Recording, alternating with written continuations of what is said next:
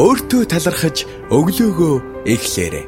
Амьд байгаадаа, амьсгалж байгаадаа, амьдарч байгаадаа талархаж өглөөг эхлээрэй. Өөртөө байгаа бүхнээ өөрийн сөн хайрлаарай. Өөртөө хүсдэг сайн сайхныг өрөөлж өрөөж өндийгөөрэй. Цагийн сэрүүлгээр бус төлөвлөгөө зорилгынхоо төлөө өглөө эртлэн босоорой. Өглөөний гайхамшиг подкаст. Монголын үндэсний олон нийтийн радиогийн 3 дугаар сувг P3 радио. Та өглөөний гайхамшигт нэгдээрэй.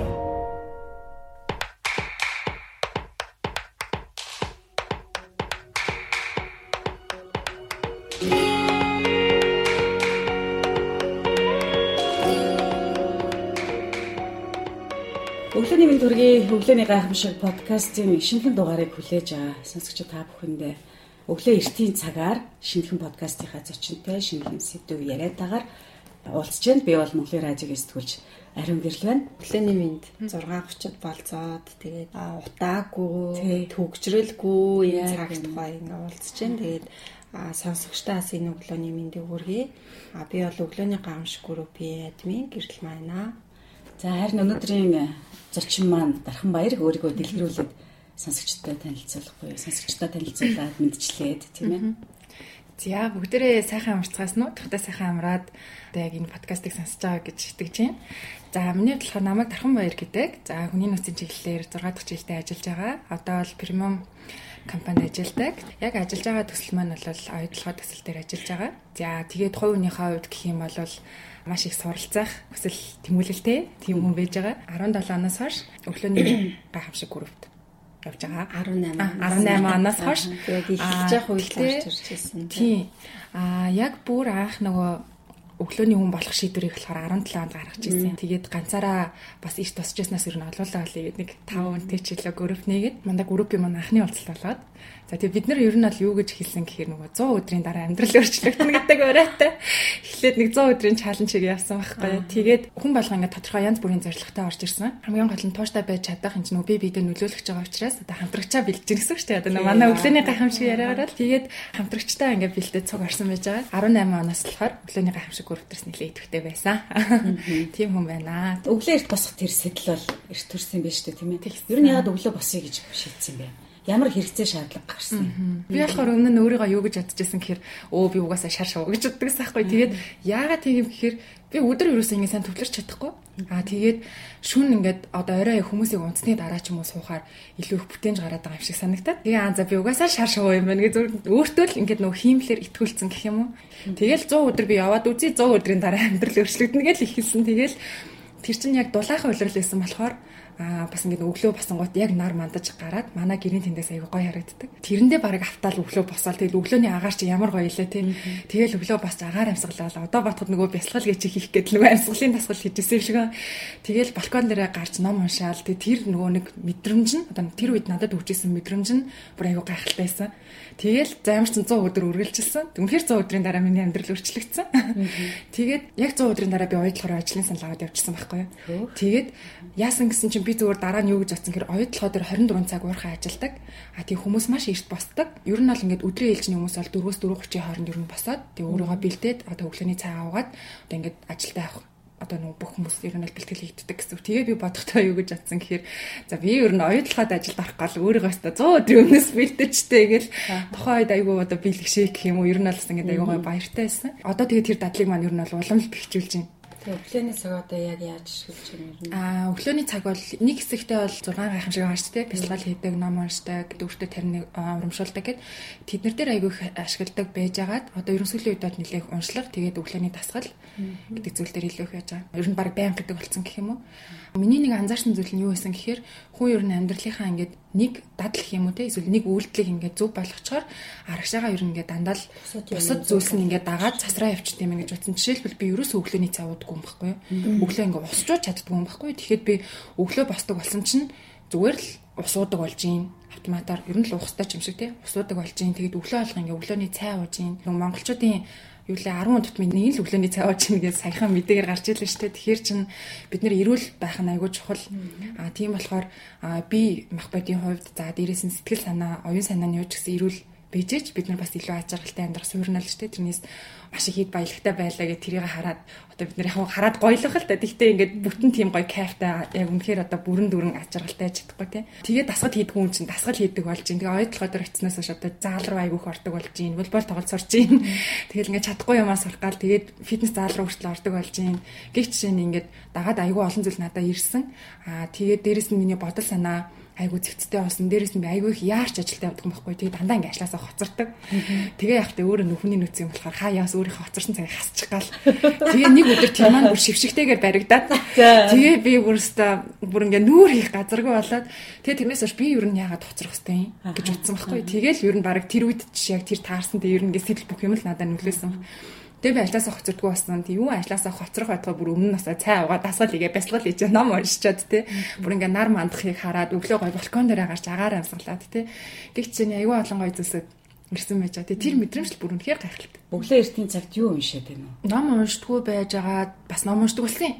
Өглөө нэг гайхамшиг хэрэгжүүлээд Хийхдээ би бол яг хувийн хөгжлийн номууд унших дуртай. Аа тэгээ сүүлийн үед жоохон мэрэгжлийн ном руугаа бас илүү жоохон менежментийн ном сонирхож эхэлж байгаа. Удаан хугацаанд гэдэг юм нөгөө хувийн хөгжлийн ном уншсан болохоор одоо ингээд уншихаар санааг нэг мэдээд байдаг л. Аа энэ нөгөө санаа нь явж байгаа. Урдаас таагаад байдаг. Аа тийм байна гэдэг. Тийм ойлгоод тэгэнгүүт л чинь аа за за одоо тэгвэл би жоохон сэдвээ өөрчлөх хэрэгтэй мэн гэж бодож эхэлж байгаа байхгүй юу? Магадгүй одоо би менежментийн номнууд уншиж байгаа. Сүүлдээ яг одоо хувийн хөгжлийн намтайгаа адилхан ч юм уу байх юм бол магадгүй дараа нь би түүхийн ном уншдаг ч юм уу тий.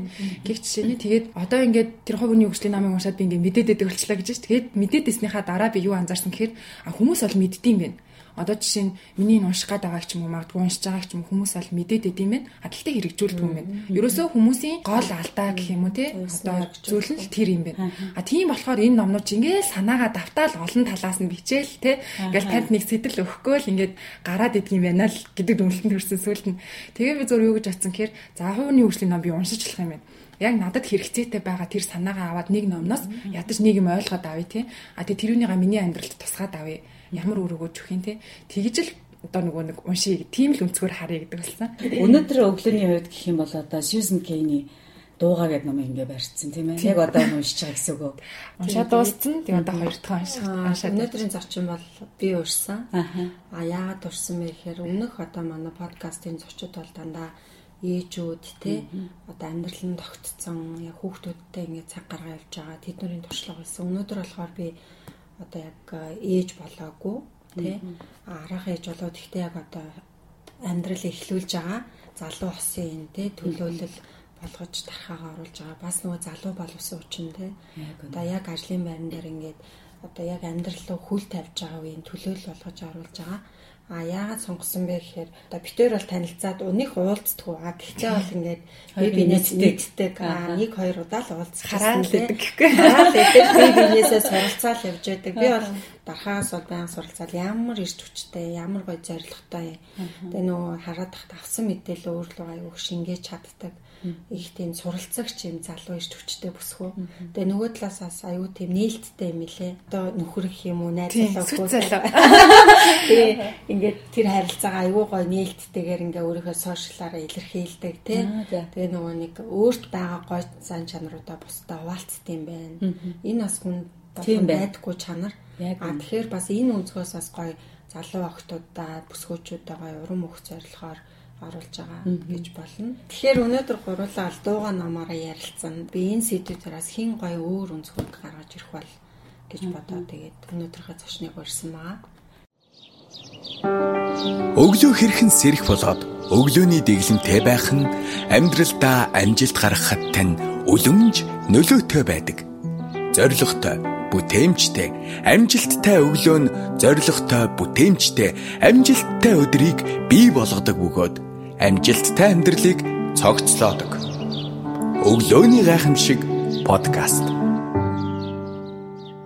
Тэгээд өнөөдрийн подкастын үед дууга номын тухай ярихад энэ гурван өөр төлөөлөл байна л да. За би бол дууга ном гарсан тухай, дууга номыг хүмүүс их уншиж байгаа тухай мэдээллүүд авж байгаа өөрөө бол уншиж амжаагүй. Гэхдээ ерөнхийн нэг юм хүлээлт сэтгэл бол аль хэдийн би болцсон. Тэгээд монголчуудын хувьд ялангуяа дууга хүмүүсийн тухай ойлголт их өөр шүү дээ тийм ээ дугаа хүмүүсийг дүгндэг нийтлэг тийм ойлголт байдаг. Гэтэл тэр бас их эргэж харахаар бодвоштай эргэлзээтэй ч юм байна гэж би ер нь гадарлаад байгаа юм л да. Гэрлэгийн хувьд болохоор энэ номыг эрхлэн хэвлүүлээд Монголд ингээ аль биесны эрхтэйгээр гаргаад publishing талаас хариуцсан, өөрөө ч уншицсан. Өөрөө бас интроверт талын хүн тийм ээ. А дархаагийн хувьд болохоор номыг бол зөвхөн гайхамшигтай гоё эдэлдэг юм байна. Яана хараа сууж байна. Би гэхдээ энэ бол яана гэх биш харин их гоё урамтай санагдаж байна. Хичнээн олон хавчуураа, хичнээн олон зүйлт те. Наалт. Ерөөсөө ингээл энэ дууга гэдэг номыг бол зөвхөн дуутай болтол эдэлсэн байж шүү дээ. Тэгэхээр их олон сонин сайхан эндээс яг юу олж авч байгаа бол энэ номын тухай олон сайхан ярих байх л гэж бодоод юм яарч байна. Дууга хүмүүсийг Монголын нийгэмд миний амьдралын энэ явцад ингээ харж байхад нэг юм орхигдоод байгаа ч юм шиг тийм ээ. Дууга гэхээр нэг дорой ч юм шиг. Тэгээд нэг өөрийгөө илэрхийлэхийн чадвараа гэдэг нь сул ч юм шиг. Ийм л ойлголттой явсан л та.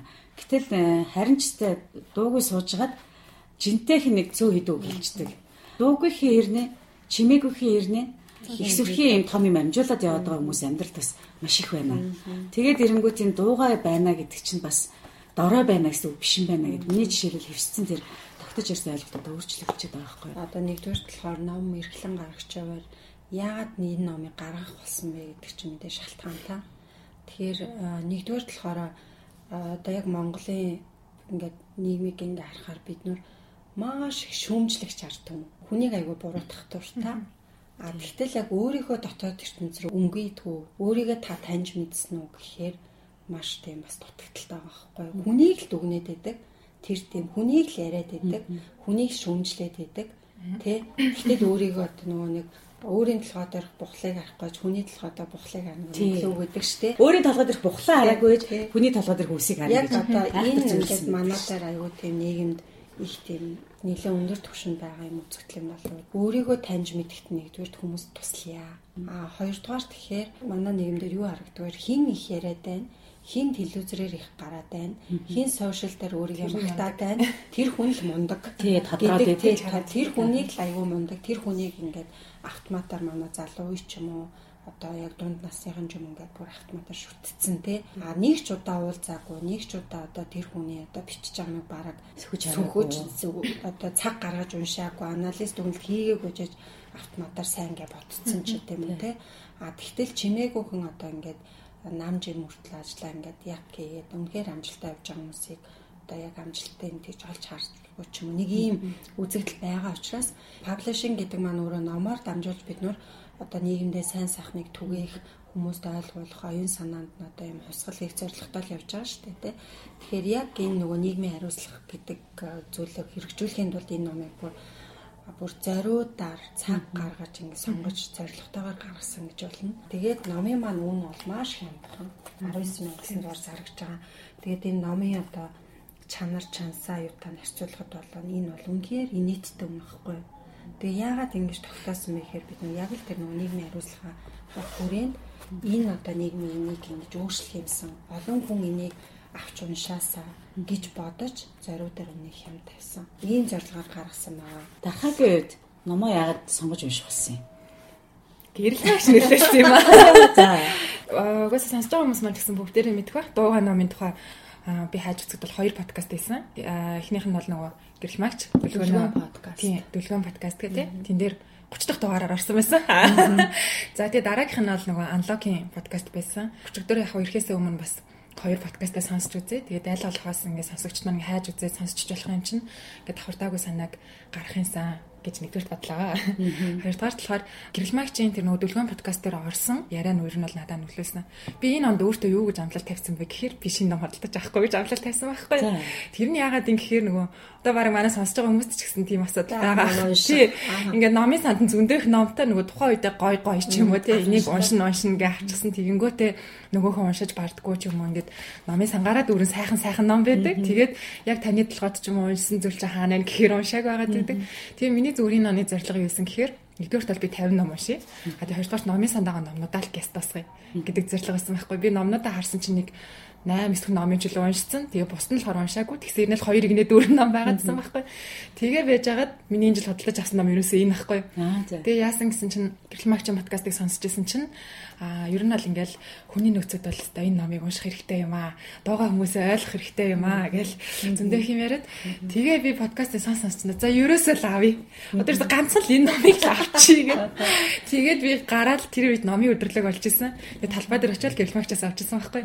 Тэгээд би зүгээр анх авчихсан тэр сэтгэл маань юу гэсэн хэрэг дуугаа хэр би мэдгүй интроверт гэж ерөөсөө ч ойлгоогүй. Зүгээр л дуугаал гэдэг ном юм байна гэж зур сурчлагын нэг хараалсан хараалсан. Тэгээ айгүй олон удаагийн хараад нэг подкаст сонслтын дараах өрдөө. Одоо түрүү хэлсэн яг нэг мэрэгжил тал руугаа илүү нөгөө энийг харах гэж авсан. Тийм, уншсан. Нэрээ ингээ анзаараад хахад бид нар чинь ингээл гадагшаа нэрэл яг яриад идэг хүмүүсийг лагиулаа гэдэг. Гэтэл манай ажил дээр ч одоо ингээд дороод ингээл юм аягаал гэж идэг. Нэг хүнтэй ч юм ярьдгүү те. Тийм хүмүүс байдаг. Тэгтэл би тэр хүмүүсийг юм яриасаа гэж хүсдэг ч юм уу магадгүй те. Эсвэл үнэхээр тэр хүмүүс үнэхэрийн тийм дуугаа юм бол би одоо нэр ингээсээ тэр хүмүүстэй яаж харцах хэвтэй те.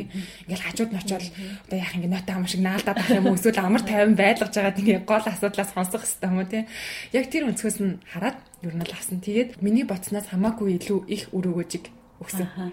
Хүлээлтийг бол давсан байна тийм үү? Хүлээлтийг бол давсан. Бүр анх уншихад бол яг үндэ надад жоохон залхуутай санагдаад. Тэгээд яасан гэсэн чи эхний бүлэг дээр би одоо өөрийгөө экстраверт гэд бодсон байгаа шүү дээ. Тийм.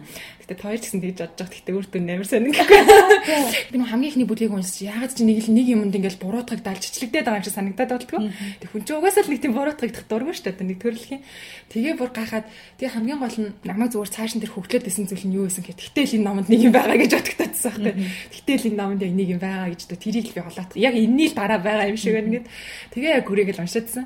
Тэгээд тэгсэн чинь сүүлдээ ингээд жоох ингээд уужраад тавираад тэгээ яг нөх хэрэгтэй яг ингээд мэдээллүүд рүү ороод ирсэн чинь бүр ингээд сонирхолтой. Тэгээ унших хурд маань бүр ингээд хурдан болцсон тийм. Тэгэхээр хэрвээ үнэхэрийн экстраверт хүмүүс уншихаар эхний бүлэг дээр жоохон тиймэрхүү мэдрэмж төрнөө та нартай хайр тий төвчээртэйгаараа. Бас энэ айгүй бодлоготой байна тий эхлээд ингээд нэг хүнийг яг буруутгаач байгаа юм шиг тийм мэдрэмж төрүүлээ. Тэгээл нөгөө хүмүүсийг хүлээж авахд хэцүү төвхтэй юм шиг байсан сүүл рүүгээ ингээд тийм ерөөхдөө яг сонирхолтой санагдаж байна. Надад бол тэгж бодогдоогүй.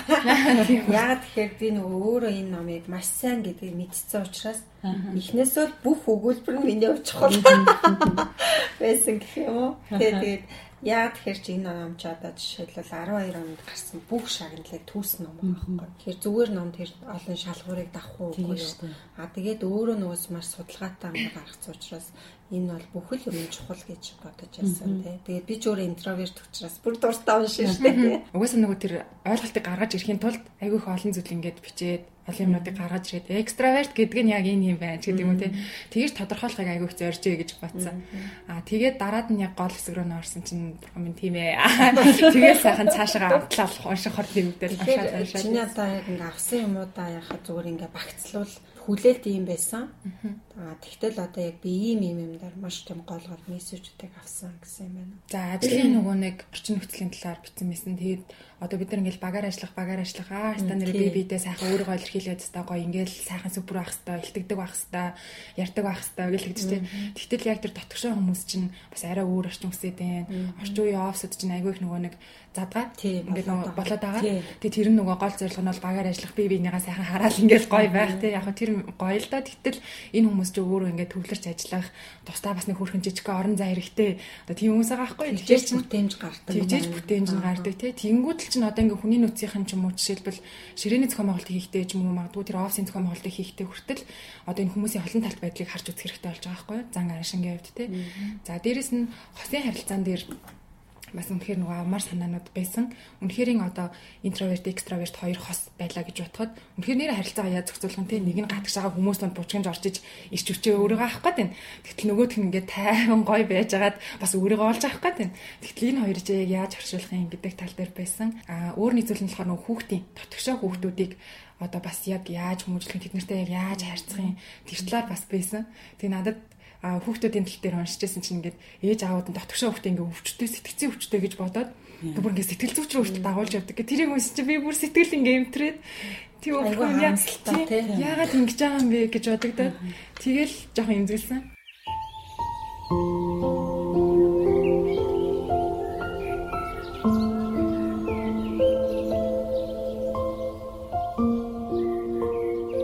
Өөртөө талархаж өглөөгөө эхлээрэй амьд байгаадаа, амьсгалж байгаадаа, амьдарч байгаадаа талархаж өглөөг эхлээрэй. Өөрт байгаа бүхнээ өөрийнхсөн хайрлаарай. Өөртөө хүсдэг сайн сайхныг өрөөлж өрөөж өндийгөөрэй. Цагийн сэрүүлгээр бус төлөвлөгөө зорилгынхоо төлөө өглөө эртлэн босоорой. Өглөөний гайхамшиг Facebook групп та өглөөний гайхамшигт нэгдээрэй.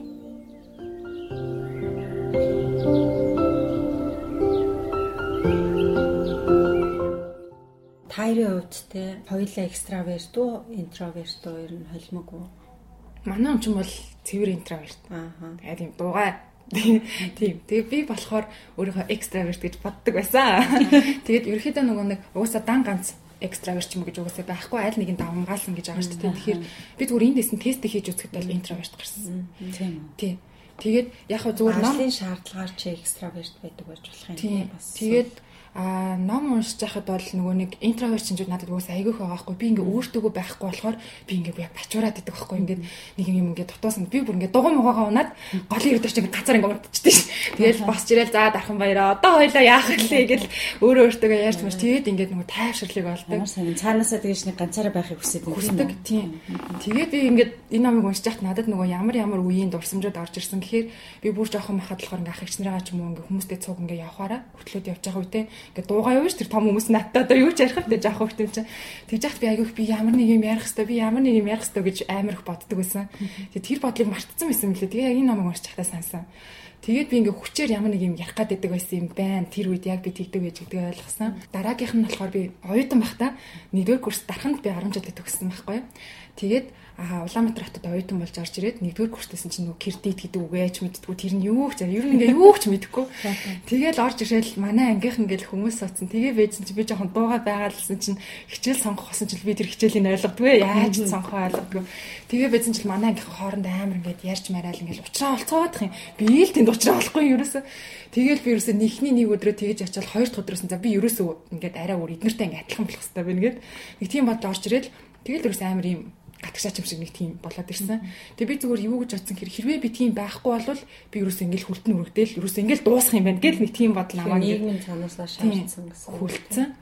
Тэгэл за за гэд нэг тийм болцсон. Бодоод хахад ер нь бол одоо сайн сурцсан экстраверт юм уу эсвэл одоо нөгөө энэ ном дээр гардаг шиг нөгөө юу юм үнэхээр одоо ингэ нөхцөл байдалтай тааруулаад би үнэхээр яг тийм байж чадаад байдаг хүн юм уу нэг тиймэрхүү юм байлаа гэх.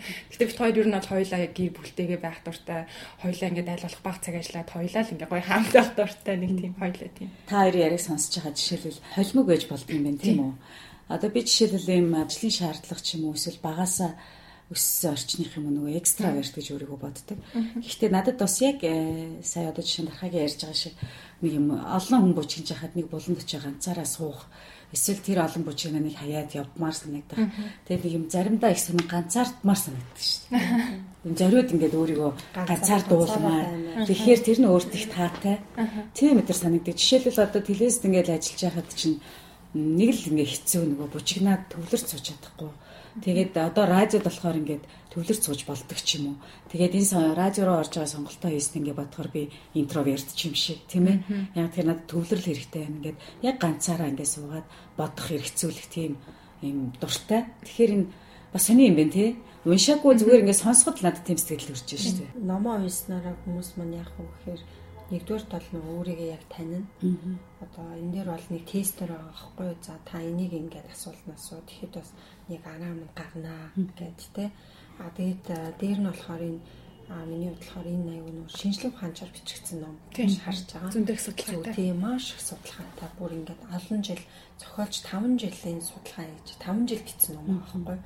Тэгээд зүгээр нэг та энэ хүн үү ийм аа за тийм биш те яагаад ийм тархины үйл ажиллагааны ямар ингэ тэр нь бол маш их таалагдсан. Тэгэхээр нөх хүн итгэж үнэмших нь илүүтэй. Бодтой. Бүх л юмыг хамруулсан биз дээ. Жишээ нь хүүхдийн тухай энд байна гэж юм. Гэр бүлийн осын харилцааны тухай тэгснэ ажлын орчинд яах вэ гэх. Тэгэхээр энэ Susan Cain бол өөрөө яг л хүнийг ингээд нэг юм том зургаар нарцсан байна л да тийм ээ. Зөвхөн одоо хувь хүн тал руу хандаагүй. Энэ номын зохиогч өөрөө магадгүй интроверт хүн. Тийм, интроверт. Тийм, интроверт гэр бүлээс гаралтайгаа бичсэн. Одоо жишээлбэл өвөө нь одоо еврей хүмүүс шуган тий. Өвөө нь болохоор ингээд нас барах үед ерөөсөө Нью-Йоркийн тэр том 2 3 дуудамж пик дүүрээ хэдэн зуун мянган хүн тэнд ингэж гашуудлаад тайлсан гэж байгаа байхгүй. Дууга байдлаар тэр хүн ерөөсөө нөгөө сүмийн юм пастор хүн байсан юм л та. Тэгээд 40 жил лөө 50 жил пастор байсан. Тэгэн гутаа тэр ингэж дууга байдлаараа ингэж хүмүүс нөлөөлөе би болгож хүний амьдралд үнцэн нэмсний одоо өвөөгөө нас барсны дараа би мэдэрчээсэн. Тэгэхээр дууга байдлын хүч чадал гэдэг бол үнэхээр агуу юм аа. Хүн одоо арилснараа ихэрснараа үн цэнийг бүтээдгүй юм аа гэдгийг энэ одоо өвөөгийнхаа жишээг номынхаа хамгийн сүүл хэсэгт өгүүлсэн чинь тэр хэсгийг би уншаад бүр ингээ уйлаад бүр ингээд өөрөө ирэхгүй нөлөөлсөн юм л тэгээд зүгээр ингэж ярмаар байгаа байхгүй. Нөгөө интроверт, экстраверт буюу дотгошоо болон гадагшаа хүмүүсийн гол ялгаа нь юу юм бэ гэхээр өсөө дотгошоо хүмүүс өөрсдөө юу гэж боддог вэ гэхээр аа би ингээд айгүй тийм мэдрэмтгий биш ч юм уу те. Одоо ухраас ингээл юм юм явах дурггүй байт юм байна мэдрэмж мутаа ч юм уу эсэргээрээ байт юм хэлээ шүү дээ. Яагаад тэр хүн олны дунд орох дурггүй байдаг вэ гэхээр нөгөө аливаа нэг харилцааг маш ингээд мэдрэгээр хүлээж авдаг.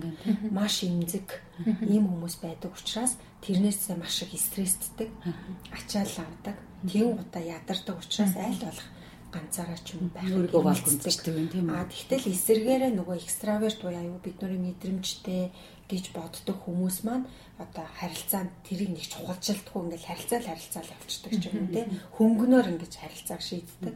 Тэгин гут тэр хүнд ачаал ирэх юм байгуулангууд тэр хүн айл болох гадуур ингэж олон хүнтэй уулзахад стрессддгүү ядардгүү учраас явах дуртай ч юм уу. Тийм байлээ. Тэр нөгөө номон дээр гэдэг чинь нөгөө сэргэх мөчгээд хэсэг байдгаа. Тэгээд та бүхэн ингээд экстраверт байна уу, интроверт байна уу гэдгээс үл хамааран магадгүй та хэрэг шинэ ажилд орох гэж байгаа бол танд тэр ажил чинь яг тэр сэргэх мөчийг өгч чадах уу гэдгийг бодох хэрэгтэй. Тэгээд тэгж аахгүй. Тэгээд тэр нь одоо тэгвэл яг юу вэ гэсэн чинь жишээлбэл дотогшоо хүмүүс ах юм бол тэр орчин чинь одоо танд ингээд магадгүй тий ажлын цаг нэрт тараа та ганцаараа байх тийм боломж а эсвэл ингээд ажил дээрээ төвлөрч суух тийм орчин нөхцөлийг танд одоо газар чи өгч чадчих гинүү гэдэг ч юм ингээд өөрийнхөө одоо нэг дотгошоо хүмүүс сэрэгдэг арга тэр юм байна л да. Ер нь ингээ өөртөөгөө байгаад ингээ нэг тайван ингээ нэг божигнохгүй байж хахад ингээ өөрөө ингээ сэрэгчдэг. Өөрөөр хэлэх юм бол дотроосоо ингээ өөрөөсөө ирч хүчээ ингээ гаргацдаг тийм хүмүүс аахгүй. Тэгсэн чинь тэгвэл гадагшаа хүмүүс яах вэ гэсэн чинь а тэгвэл таны ажлын одоо газар чинь таны ингээ нэтворкинг гэхэд ингээ дэмжих үү? Ингээ гадагшаа хүмүүстэй танилцаад ингээ явахд чинь дэмжих юм уу?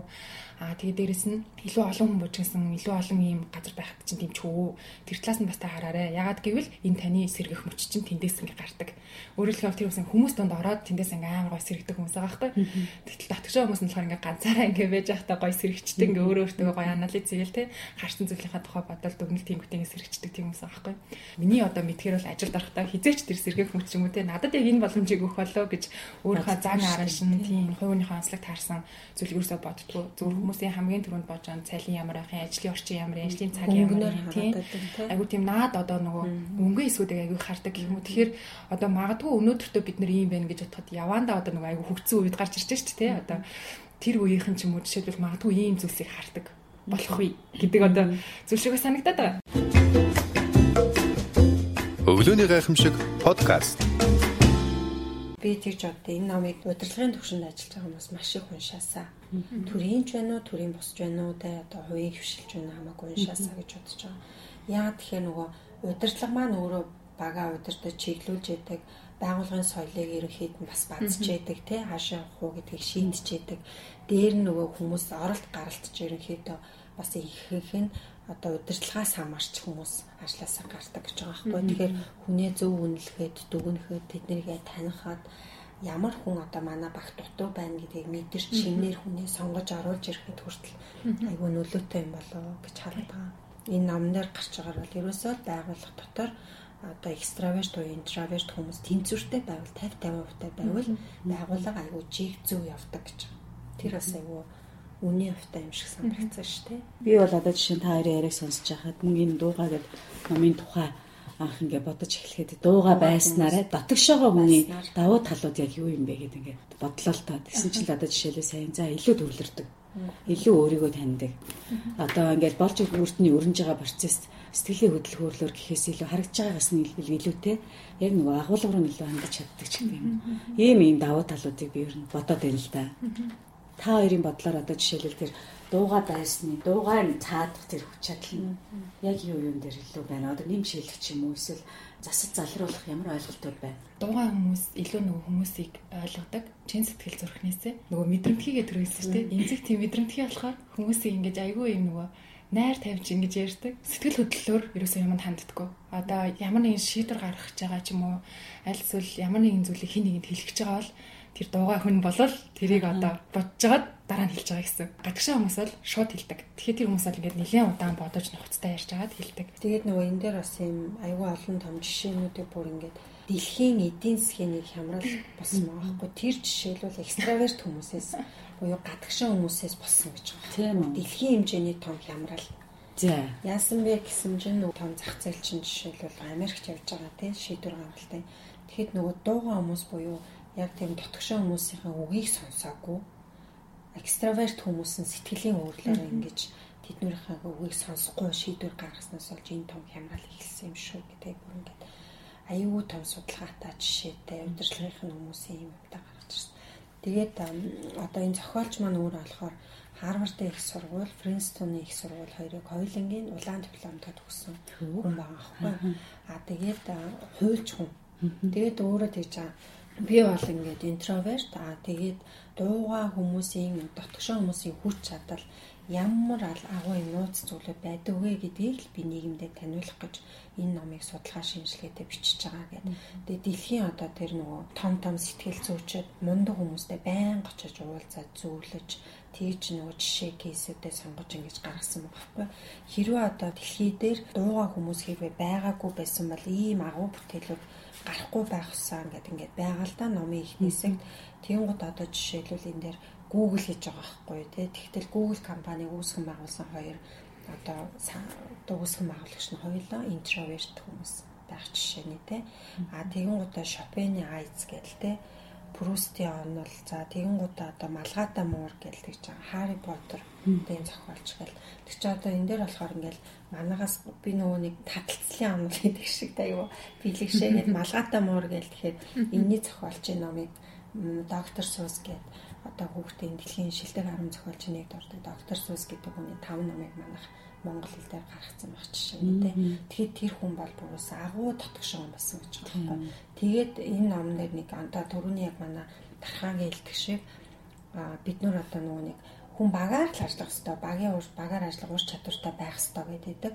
А тэгтэл альва зүйл тэнцвэртэй байх хэвээр шүү. Хитрхээ тэрийг ингэж одоо дээр тавьж болохгүй. Тэгтэл яг тэр нөгөө бүр ингэж одоо төгс бүтээл хаанаас гардаг вэ гэхээр ерөөсөө интроверт хүмүүсээс. Тэр хүн ингэж дотгошоо нэвтэрч тэ ганцаараа төвлөр суужааш тэр зүйлүүд ингэж гард юм шүү. Одоо Google компани гэхэд яг л тэр интроверт хүмүүстэй өөрсдөө төвлөрч дотгошоо орчиж одоо өөрийгөө вакуумжуулж юм байна тий. Игжээж тэндээс юм дэлхийн шилдэг бүтээлүүд гард юм шүү. Тэгэхээр хитрхи нөгөө багаар ажиллана ажиллана гэхээр хүний нөгөө бүтээн суларчдаг эсвэл хүнд итгэдэг итгэх нэг нэг нэгэндээ итгэдэг ч юм уу те хариуцлага өгүүлждэг ч юм уу. Ийм бүх зүйлүүд байдаг шүү гэдэг талаараас аюу тийм гаргаж ирсэн байсан. Хүний нөөцийн салбарын хүмүүс болохоор энэ ажил руу илүү хандуулаад байна та хоёр. Надад болохоор би энэ дуугаа номын тухай сая та хоёр яриг сонсохдоо хоёр охиноо бодчихлаа. 10 насны зөрүүтэй хоёр охин маань нэг нь их тийм нээлттэй яриа Аа баг охин маань болохоор их тийм сонин. Одоо миний охин 3 настай. Том охин болохоор их тийм найрсаг, хинрүү чарсыг нэмсгэлж яадаг, хөөрхөн ааштай. Баг охин маань болохоор хүн өөрлөө нь харахад хүртэл дуртай биш. Би бүр өмнөөс нь санаа зовоод нэг инээчээсээр яана гэсэн нэг юм үйл хэлэг айдас байдаг байхгүй юу. Гэтэл энэ бас манай хүүхдийн онцлог байна тийм үү? Тийм тэгэхээр номоо унших юм бол тэн дээр гаргахын гарах чинь тийм байна. Бүр илүүтэй гаргана. Манай хоёр хүүхд бас яг тийм байхгүй. Том охин бол интроверт. Би номоо уншсан учраас одоо хин нэгэнтэй адилхан бай гэж юусоо одоо адил хоёр хүүхдээ хизээч хинтэн ч адилтдаг байхгүй. Хүү болохоор ерөнхийдөө бол экстраверт талдаа нээлттэй яг дөрөв нээлтгээр инээмсэгэлтэй тэг ингээл аюул их найрсаар тий. а охин бол ерөөс ингээл дүмбигээл хэлчихдэг тий. Тэгвэл би болохоор одоо хоёр хүүхдээ чи тийм байх гэхгүй а ерөөсөө л амьдралын явцад юу чухал байдаг вэ гэдэг одоо зөв миний ойлгосноор болохоор одоо хин нэг аюу тийм мундаг инээснээрээ ч юм уу мундаг онц цуснараа биш юм байна. Амьдралын явцад хин одоо тууштай зөв байсан л аянда ажил үснэ гой байх учраас тэ заавал нэг одоо тийм байснараа одоо тэхсгүй гэдэг ч юм хүүхдэд хийж нэг харьцуулах аюу дими юм бэл. За би яг нэг хүүхдтэй яг өсгсөн тийм төршлөг бол надад байхгүй. Гэхдээ хүүхдийн чиглэлээр бол сайн дур ажлууд бол хийж байгаа. Хоёр зүйлийг хэлье гэж бодож байгаа байхгүй. За эхнийх нь бол ээж та тий магадгүй аав та ч юм уу өөрийнхөө хүүхдэд нийгэмд байгаа хэвсэн ойлголтоор одоо ийм байх ёстой гэдэг хэлбэрийг шахаж байгаа юм шиг үстэй тий. Тэрүүнийгаа нэг ингээд анзаараарай. Тий. Өөрөө бас ингээ анзаараад үзээрэй. Магадгүй ингээ нийгэмд нээлттэй л хүн байх сайхан хүн лүү заавал инээдгэл хүн сайхан ингээ бодсон. Тийм ойлголт явж байхад та тэрүүнийг нэрээ тийм шүү гэж бодоод тэрүүнийгаа өөрийнхөө хөвгөдөд тоглож байгаа юм шиг үстэй тий. Тэрүүнийгаа бас нэг шалгаад үзээрэй. Дараагийн болохоор би номноос уншаад өгч би бүр энэ хэсгийг бүр ингээ тэмдэглэсэн байж шүү тийм тодруулсан дотгошоо хүүхдүүдэд бол ерөөхдөө яг нөгөө айдастай ямар нэгэн шинэ газар руу ороход ийм жирхэх зүйл байт юм байна л да. Тэгээд энэ дээр болохоор ингэ бичсэн байсан.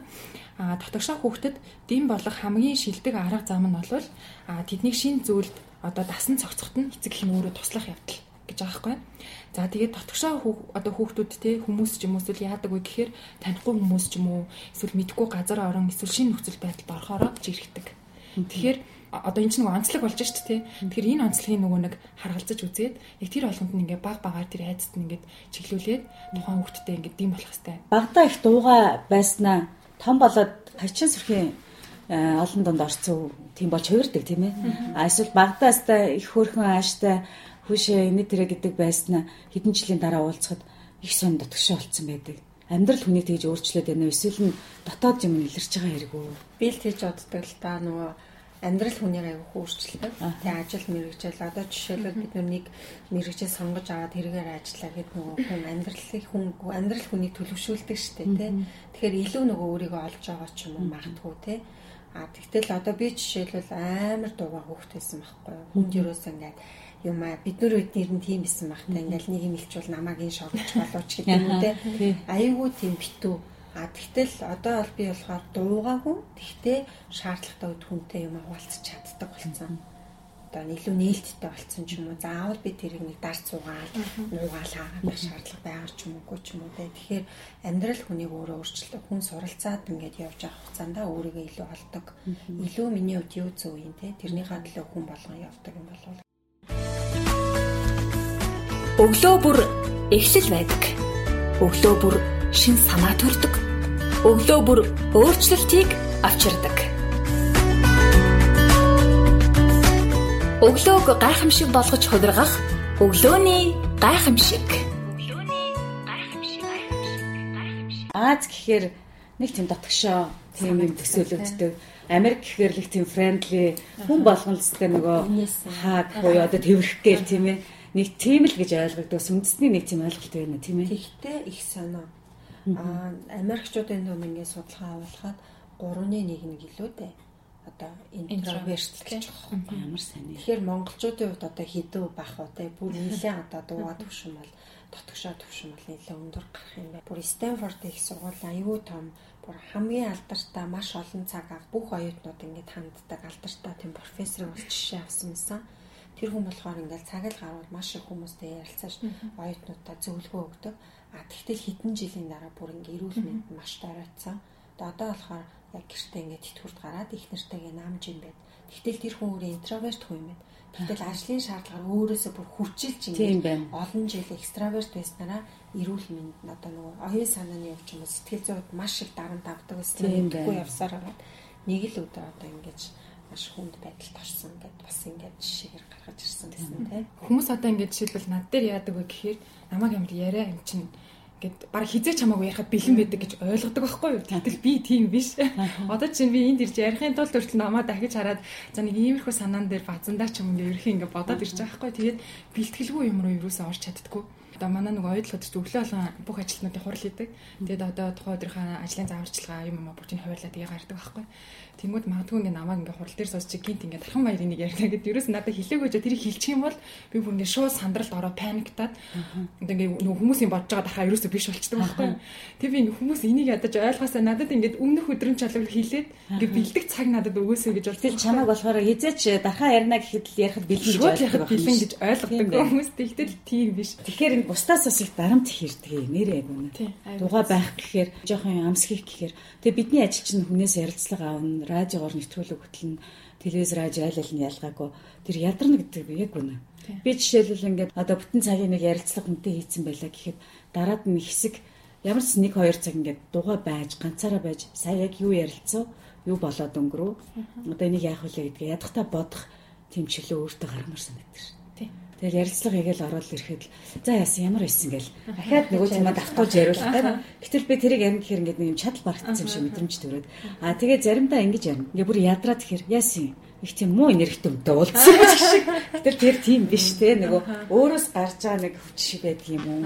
Энэ бас их сонин ойлголттой нэрээ байна. Чиний асуудал бол бас нэлээд тийм юу байдаг байгаа байхгүй юу? Хэрвээ чи интроверт хүн бол нэлээд ядардаг. Яа маш их хүнтэй уулздаг, маш их ярьдаг те. Тийм. Тэр болгон чинь тарих ажиллаж байгаа. Тэр штэ. Энерги ажиллаж байгаа. Аа, Брайан Лидлгээд профессор байгаа байхгүй юу? Тэр хүн болохоор нөгөө бас их сургууль одоо ингээ янз бүрийн газруудад айгүй их том том лекцүүд тавьдаг. Тэр лекцүүд нь ч гэсэн айгүй амжилттай болдог. Аа, тэгээдсэн чинь тэр хүн тэгдэг гинэ ингээ орчин айгуу сайн мэдрээд ингээл айгуу мундаг л одоо ингээд лекцийн хэсэгт байгаа хүмүүсийг бол ингээд сэтгэл ханамж дүүрэн болтол ингээд лекцээ тавиа гардаг гэж аахгүй. Гарсныхаа дараа дандаа 0-д ороод бүр ингээд ганцаараа байдаг гэсэн. Тэгээ тэр нь яа тийм номон дээр байгаа. Тийм номон дээр байдаг. Тэгээ тэр нь яа тийм гэсэн чинь тэгэж нөгөө ингээд аа гэж нөгөө нэг тайвширлаа болж авдаг. Тэгээ надад нөгөө нэг энэ хүний гаргасан онол нь айгүй таалагдсан байхгүй. Тэг тэрний юу байсан гэхээр одоо энэ хүн жишээлбэл ингээ лекц тавихтай гатгшаан шиг ингээ тавьж чадаад байна гэж тийм яа тэгж ан гэсэн чинь энэ хүн өөрийнхөө хэмжээнд одоо нэг онол гаргасан юм байна л тэр нь болохоор нөгөө чөлөөт цан авирын онол гээд. Тэгээ тэр нь яадаг вэ гэхээр хүн болвол ингээд өөр өөрөө байхын тулд болвол тодорхой хэсэг хугацаанд ингээд өөр дүр хэсгэж болно гэж байгаа хгүй. Тэгээ тэр нь одоо магадгүй бидний ажлын хэсэг орчин цаг хугацаа ч юм уу тийм. Энэ нь болохоор яадаг вэ гэхээр дотгошоо хүмүүс чинь болохоор тэр хийж байгаа ажлаа дуртай бол ажлынхаа төлөө зам хайртай дотны хүмүүсийн найз нөхдийнхээ төлөө эсвэл гэр бүлийнхнийхээ төлөө ингээ гатгшаа юм шиг аягалж болдгоо аягалдаг. Тийм зүйл бол байдаг. А тэгэд энэ нь бол яг чөлөө зан авирын онол гэдэг зүйлээр бас тайлбарлаж болох юм байна гэж байгаа хгүй. Тэгээд гол нөгөө нэг хэлэх гээд байгаа санаа нь болохоор энэ дээрээс нөгөө нэг өөрийгөө одоо хян чаддаг хүмүүс а өөрийгөө одоо баг хяндаг хүмүүсийн талаараас гардаг. Хэдий ч нэ өөрийгөө их хян чаддаг байна. Тэр хүн бол энэ одоо чөлөө зан авирын онолыг бол аягүй сайн хэрэгжүүлж чадна гэж аахгүй. Магадгүй одоо би жишээлбэл ингээ ажиллаг амар яриа юм шиг ингээ байдаг гэж дээ. Тэгэхээр би одоо юу гэж би дүр хэсэг жин эсвэл дүр хэсгээд хий гэж бодоод юусоо тэр хийхгүй байхгүй. Зүгээр л би энэ дээр зүгээр ийм л байх хэрэгтэй учраас тий магадгүй манай тэр ажилтан намайг нээлттэй байснаар илүү надад юмаа ярих ч юм уу тий. Эсвэл магадгүй би тэр хүнийг илүү сайн сонсож байгаа байснараа тэр хүн надад илүү юмаа ярих ч юм уу. Тийм байна да гэж би одоо өөртөө тийм ойлголт гаргацсан учраас би яг тэр дүртээ дүрдээ тааруулж одоо өөрийгөө бас бий болгоод байгаа гэсэн үг байхгүй тэгэхээр өөрийгөө их хяндаг одоо нэг хян чаддаг тэр хүмүүс бол энэ олыг аягүй сайн хэрэгжүүлдэг. А тэгээд дараад нь энийг ингээ хэрэгжүүлж явах явцдаа баг ядардаг гэж байгаа байхгүй. Одоо бид нар жишээлбэл нэг хүнтэй харилцаад их ядардаг гэж дээ. Тэгэхээр өөрийгөө хянаж байгаа хүмүүс бол өөрийгөө хянаад тухайн нөхцөл байдалтай байчаад нөхцөл байдал дуслаа. Тэгэл буцаад өөрөөрөө байж чаддаг гэж байгаа байхгүй. Аягүй тийм даваа тал нь. Тэгээд гэсэн чинь энэ дээр бас нэг хүчтэй маргаан гарсан юм байна л да. Яасан гэсэн чинь өөрийгөө баг хяндаг хүмүүс маргаан гаргаж ирнэ гинэ. Тэгээд одоо өөрөөр хэлэх юм бол яг тийм байж чадахгүй байх гэсэн чинь яг л утгаараа нөгөө жинхэнэ татгшаага байж гэнэ гэсэн шүү дээ. Тэгсэн чинь эн чинь ер нь ёцсон хувьд одоо тийм болохгүй юм шүү. Ер нь ягаад ингэж энэ хүмүүс чинь ингэ дүр хэсгээд байгаа юм бэ тий? Татгшаа бол тэгээ барыг татгшаагаараа л байл та одоо ингэ ёцсон хувьд чинь болохгүй барыг л хүн хуурж байгаа юм шүү гэдгсэн юм байна л та. Тэгээд тэгсэн чинь энэ дээр болохоор өөрийгөө их хяндаг хүмүүс байснараа болвол өөрийгөө одоо баг хянж байгаа хүмүүсийн ёс зүйг илүү сайн тодруулж өгч байна гэж ном дээрээс бичсэн юмсан. Тэгээ тэрээс айгүй сонирхолтой байсан. Та бүхэн номноос дэлгэрүүлээд уншаарай. Маш зузаан штэ. Том номд орно. Би бол энэ номыг бол агсан төвшний ном гэж хэлнэ. Бага төвшнээс хүн ахиулж уншижээч хүн өөрөө хөгжинэ. А бид нөөсөө байнга одоо төвшнээ ахиулж унших хэрэгтэй. Ойлгохгүй бол ойлголтол нь суугаад уншил та. Яагаад бид нөр ингээ Тэгжээж та өөрийнхөө дотоод ертөнцийг танин мэднэ. Илүүдээ нөгөө агсан төвшөнд уншчаач илүү нөгөө хэлбэр биш агуулга хөөх болно. Тийм учраас би бол хүмүүсийг одоо энэ хүнд ном юм байна. Эсвэл би бүр ойлгохгүй юм биш. Яг үнэхээр хэрэгцээ номдоо цаг гаргаж уншаасаа гэж хэлмээр санагдаад байна. Тэгээ гуруулаа ингээл янз бүрийн юмнаас ярьчлаа шүү дээ. Зүгөөс те холиод ярьчлаа. Би зүгээр одоо эрхлэн гаргах чинь зүгөөс хэлмээр зөвлөх юм бол нэгдүгээр та өөрийгөө таньж мэдье гэх юм бол энэ номыг заавал уншаасаа. Одоо гэр бүлийн хоёр хүн уншаасаа тий эхний нөхөр хоёр хүн заавал уншаасаа. Миний нөхөр хин би өөрөө яг дуугаа интроверт юм уу гадагшаагүй юм уу дотгошоогүй юм уу? Тэгвэл битээр юм бол энэ харилцаагаа илүү гоё бэхжүүлж би биенээ ойлгохын тулд битээр яг яах ёстой? Битээрт ямар сэтгэл зүйн юм юмнууд өөр өөр зүйлүүд байгаа юм бэ? Гэдг нь нөгөө нэг олж харснараа гэр бүлээ илүү гой бат бих байлгахад би биний ойлгоход илүү түлхэц болно. А дээр нь одоо яг юм гой шинжлэх ухаанчаар судалгаатай ийм мэдээлэлтэй та учрна гэж хэлмээр байна. А нөгөө талаасаа ажил дээрээ би яг одоо интроверт байгаа даа мó одоо экстраверт юм дүүл миний ажлын байран дээр би ямар байвал илүү бүтээмжтэй байх юм миний орчин нөхцөл надад яг таарч байгаа мó үгүй мó энийгээ дөгөл би одоо баг хавтан таланда яаж ойлгуулах юм би ямар орчинд ажиллавал илүү бүтээмжтэй байгаад илүү амжилттай байх юм гэдгийг олж харахад бас туслана. А дахиад одоо эцэг их хэрвээ та ээж аа болцсон байгаа л өөр хөхтэй зөв зөвтэй хүмүүжүүлэхэд тэднийгээ зөв олж харахад танихад одоо энэ юм бол бас нэлээд том тэм төлөхөж олно гэж хэлмээр байна. Яг ингээд цаг гаргаад зориулж уншаад төвлөрөөд те энэ нь яг одоо ийм санааг хэлж байгаа мó гэд та өөр өөртөө бяцлахаж унших тийм ном байгаа. Хүн болгон яг өөрөө өөрийгөө хайдаг, магадгүй зарим нь алдаг, зарим нь алддаггүй те амьдралынхаа турш тэгээд энэ нь өөрөө тийм богино хугацааны зүйлээс биш ээжэдэг. Маш ингээд урт хугацаанд магадгүй олон жил ч юм уу ингээд эсвэл 1 жил, 2 жил ч юм уу ингээд зарцуулдаг гэж байгаа Тэгэхээр нөө энэ ном дээр би бүр фейсээрээс хуваалцчихсан байхгүй юу? Та хулбарлаж болохгүй гэсэн. Гэтэ очлаарай. Тэгээд тэн дээр болохоор юу байсан гэхээр өөрийнхөө үнэт зүйлийг тодорхойлох нь гэдэг тухай байсан байхгүй юу? Тэгээд одоо яг хүн бол өөрийнхөө үнэт зүйлийг хайдаг. Энийгээ бас ингээд танд олоход чинь магадгүй дараах гурван асуулт тасалж болох юм а гэд бийжсэн. Тэг яг энэ үед бас би нөгөө нэг өөрийгөө би одоо ер нь яг хийм бэ? Ер нь яг юу хийх гэж энэ одоо хорвоод ирсэн тий.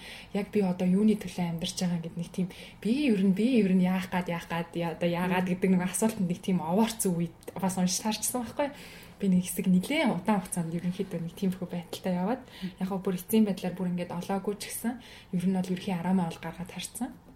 Тэгээ тэн дээр юу байсан бэ гэхээр энэ бол угаасаа хялбар байхгүй хэрвээ та өөрөөсөө одоо асууж байгаа бол за тэгэхээр энэ одоо номыг бичсэн хүн болохоор ингээ хуулиар ажиллаж байсан гэж байгаа шүү дээ. Тэгээд одоо энэ хуульч ч ерөөсөө миний одоо хийх зүйл биш юм байна штэ гэдгээ ойлгохын тулд 10 жилийг зарцуулсан гэж байгаа байхгүй юу. Тэгэхээр бид нар бас магадгүй ингээд өчнөө олон жил зарцуул зарцуулж байгаад ойлгохоор магадгүй та яг одоо энийг сонсож байхдаа тий үнэхээр нэрээ миний хийж байгаа ажил мэргэжил маань минийх одоо мөн билүү гэдгийг бас бодоод үзэхдээ илүүдэхгүй байх тийм. Энэ нь одоо ингэж байгаа. Өөрийнхөө одоо хүсэл сонирхлыг тодорхойлоход бол дараах гурван зүйлээс гол нөлөөтэй байдгаа гэж байгаа юм. Тэгэхээр хамгийн ихнийх нь бол та одоо хүүхэд байхдаа аа яг юу хийх дуртай байсан бэ гэдэг зүйлээ одоо ингээд нэг эргээ бодоорой гэж байгаа юм А тэгээ энэ ном дээр бол яг бас жишээнүүд өгсөн байж байгаа. Бас аюул чухал байсан тийм энэ хэсэг. Тийм аюул чухал. Энэ номны хэсгээс ягаад зөвшөөрөл аваад танарт хэлж яах гэхээр уншиж амжааг бол одооноос ч болов ядаж те ингээд энэ хэсгийг бас илүү тунгааж бодооч. Тийм.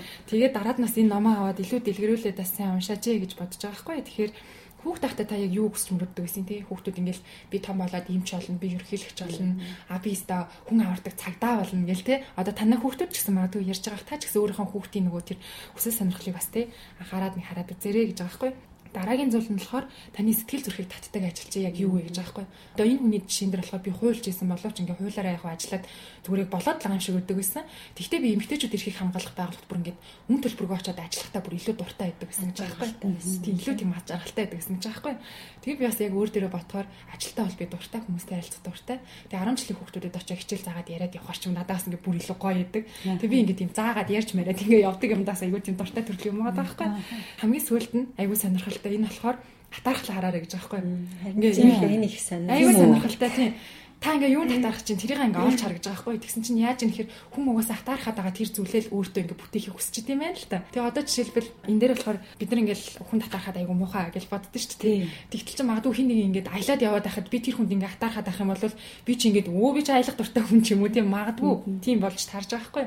Магадгүй ингээд юу гэдэг чи айгу мондөг ээжийг хараад ингээ өөр хүүхдээ айгу лаг хүмүүжүүлж байгаа тэр ээжийг хараад би ингээд одоо ажил хийж байгаагасаа илүү тэр хүнд ингээ татархаад байх юм бол би ингээ гоё хүүхдээ гаргаад хүүхдээ ингээ гоё хүмүүжүүлээд явах хүсэж байгаа юм байж болж байна. Ямар гоё үнцэг бай тийм ээ. Тийм ээ. Атаархлыг өсгөж юм. Тийм. Тэгэхээр бүр энэ одоо ингэ атаархлыг бол ажиглах үнэхээр амарч та ингээл Facebook үлгээл та ер нь тийм. Тэгэхээр тэрнийг ингээл хараад үзчихээ. Тэгэхээр одоо ингээд сонсож байгаа хүмүүсээс яг энэ гурван асуултыг магадгүй энэ подкастын дараа та тий өөртөө ингээд ингээд бодоод цаг гаргаад үзээрэй. Магадгүй өнөөдөр хариулт нь олдохгүй ч магадгүй дээ. Гэхдээ та бас танд ямар бодол орж иж тэрийг аль зүгээр анзаар тий. Тэгээ магадгүй ингээд таны асуултыг хит хит удаа өөрөөсөө асууснаар магадгүй өөрийнхөө тэр үнэт зүйлийг олж магадгүй юм тий. Тэгэхээр энэ бас туслах байхаа гэж бодож байна. Тэгээд ном дээрээс бас дахиад хэлэхэд зөндөө олон энэ мэтчил маш гоё олон санаануудыг олж авна. Тэгээд өөрийгөө танихад за өөрийнхөө хажууд байгаа үр хөвгтүүд хань ижил одоо тий хүмүүсээ танихад бас одоо энэ ном бас туслах байх гэж итгэж байна. За тэгээд нэмээд хамгийн гол зүйлийг хэлэхэд болохоор тэр нөгөө хүүхдийн хэсэгтээ байгуу эмзэглэн гэж хэлсэн шүү дээ. Тэгэхээр ингээд нөгөө бид нар ингээд нийгэмдэр байгаа хөвсөн ойлголтоос болоод айгүй олон зүйлийг няцаадаг. Энэ хорвоо ертөнцийн дээр байдаг зүйлийг айгүй их няцаадаг. За тэгээд тийм болохоор та бас тэгж байгаа юм шүү дээ. Тэрний нэг ахиа чагнаад үзэрэй гэж хэлмээр байгаа байхгүй. Аа тэгээ дээрэс нь а өөрийнхөө ч юм уу нийгэмд байгаа тэр ойлголтыг хүүхдтэй эсвэл нөхөртөө магадгүй өөртөө ч юм уу ингээд тулгаад өөрийгөө зовоож байгаа юм шиг үстэй. Та зүгээр л өөрийгөө таньж мэдээд тий. Тэгээд яг өөрөөрөө л байгаарэ гэж хэлмээр байгаа байхгүй ингээд та өнөхөр ингээд аяг цай байгаа сайхан байдаг бол зүгээр л тэгж бай. Та заавал ингээд гараад хүмүүс донд ороод буужигнах алба байхгүй тий. Тэгэхээр тэр зүйлийг бас хэлмээр байна. Тэгээд хүн ингээд өөрийгөө таньчихаараа ч юм өөрийгөө олоо харчаараа нөгөө өөрийнхөө муу санс зан чанар сул ур чадрууд арчиж шít. Тэгэхээр илүү нөгөө даруй болчдөг ч юм уу. Би ч нэрээ яагаад ч юм дээ. Юу би хүнийг шүмжлэх. Өөр төрөө ажиллая л та. Юу яриад байгаа юм би чи одоо хүнийг шүмжлэдэг хийн те гэдэг ч юм уу. Илүү тийм нөгөө зүв болд юм болов уу гэж бодсон. Одоо номын зохиолчийн тавьсан одоо номынхаа талаар агуулгаар тавьсан илтгэлийг маш олон сая хүүцсэн юм лээ. Маш өндрөөр үнэлэгдсэн. Тэгээд энэ дээр болохоор нөгөө Билл Гейтсийн хамгийн сонсох дуртай илтгэл шалгар илтгэл болсон гэж байгаа байхгүй юу. Тэгэхээр тэр мундаг хүн тоогдож бас тэ одоо тийм байна агуулга байна гэдэг бол бас яг үн цэнтэй их юм биш юм болов уу гэж бас харсан. За тэгээд хэдүүлээ дууга номын тухай нэлээд дуутай яриад өрнүүллээ гэх тийм ээ. А гадаа харанхуй байхад бидний подкаст эхэлжсэн бол одоо гэгээ ороод эхэлсэн байна. Хүл хөдөлгөөн арай л нэмэгдэж байгаа шиг байна тийм ээ. Тэгээд энэ өглөө эртийн цагаар цаг зав гаргаад ирсэн зочиндоо юун төрөнд баярлалаа. Бас гэрлэмаа одоо байгаа учраас өглөөний гайхамшиг подкастын дугаар болгон дандаа үнцэнтэй байдаг шүү. Тэгээ гэрлээдээ баярлалаа. Миний зүгээс болохоор өглөөний гайхамшиг групптэй одоо нэг дээрээ гэж хэлмээр байна те. Тэгээд хамтдаа суралцагч байя. Өглөөний цагаа өөртөө зориул сурцгаая гэж хэлмээр байна. Өөрөө өөрийгөө олоод те. А үнцэнтэй, өөртөө хайртай, нийгэмдээ үнцэнтэй тийм хүн байгаарэ гэж ерөө ёо. Бүгдээрээ хамтдаа суралцаал явж энэ даа тий. За баярлалаа. Баярлалаа.